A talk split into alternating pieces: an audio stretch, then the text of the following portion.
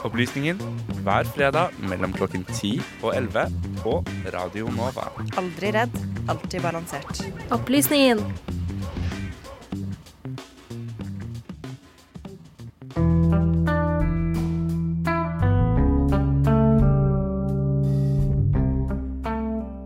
De siste årene er det sikkert mange som har hørt snakk om den nye Silkeveien fra Kina til Europa.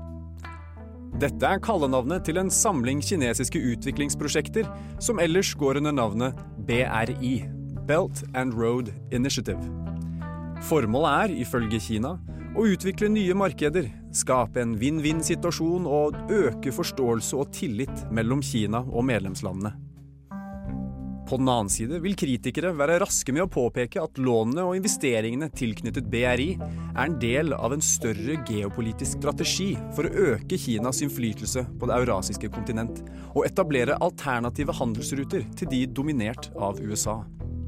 Det er mye mer å si om dette, men vi skal fokusere på en spesifikk organisasjon som kan sies å spille en viktig rolle i denne strategien, men som ikke har fått mye oppmerksomhet i media. På engelsk The Shanghai Cooperation Organization, SCO.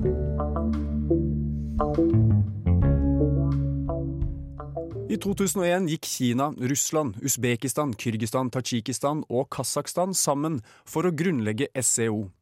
Og i 2017 ble India og Pakistan også medlemmer.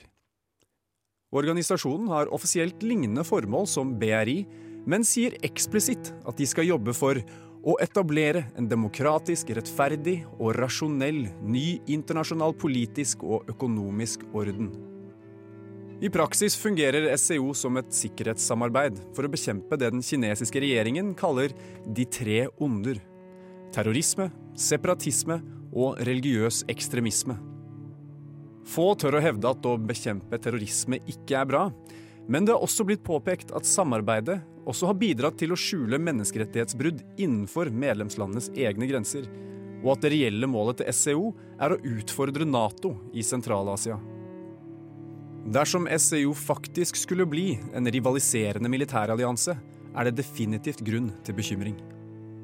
Kina, Russland, India og Pakistan er alle i topp ti på listen over verdens største stående militærstyrker. Dersom man inkluderer Iran, som for øyeblikket kun har observatørstatus, blir den sammenslåtte militærstyrken til SCO om lag 5,5 millioner soldater, ifølge worldatlas.com. Med unntak av Iran er alle disse land i besittelse av atomvåpen. Til sammenligning er USAs militærstyrke i overkant av 1,3 millioner. Men i realiteten er det nok liten sjanse for at SCO kommer til å bli en Nato-rival i Østen. De ulike interessene til de store medlemslandene gjør det vanskelig for én enkelt part å dominere. Og både India og Kina har såpass store handelsinteresser i Vesten at de sannsynligvis vil være varsomme med å konfrontere Nato. Istedenfor vil vi nok se at SCO spiller en strategisk rolle sammen med Belt and Road-initiativet. Nemlig ved å promotere regional konnektivitet, handel og stabilitet.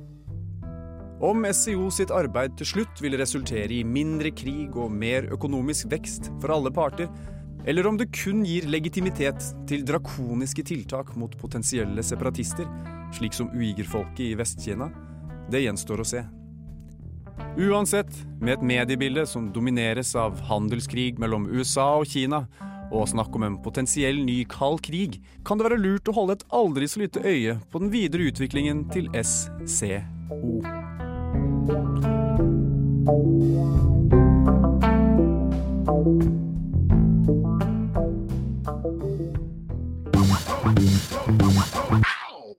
Opplysningen hver fredag mellom klokken 10 og 11 på Radio Nova. Aldri redd, alltid balansert.